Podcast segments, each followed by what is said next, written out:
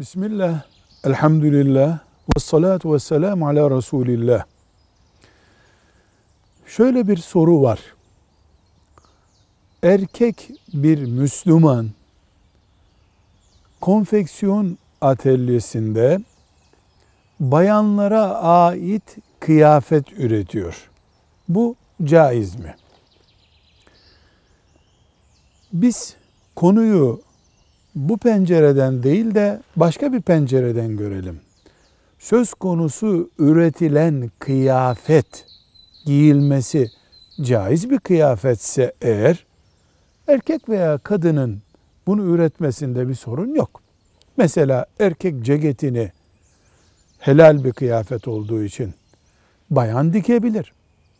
Bayan tişörtü giyilmesi caiz bir kıyafetse bunu erkek üretebilir.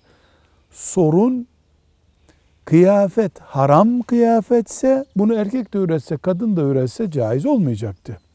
Bir de bu üretim esnasında bayana temas etmek gibi bir sıkıntı veya benzeri bir sakınca söz konusu değilse erkek için hiçbir sorun yok demektir.